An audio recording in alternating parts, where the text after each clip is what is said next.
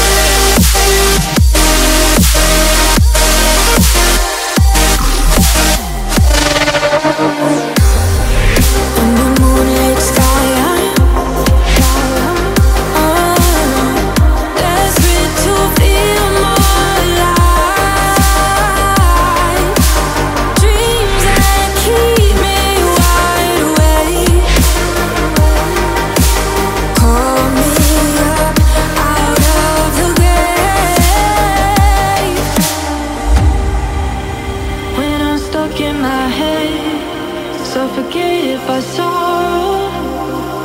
My bones start to disconnect. My soul becomes hollow.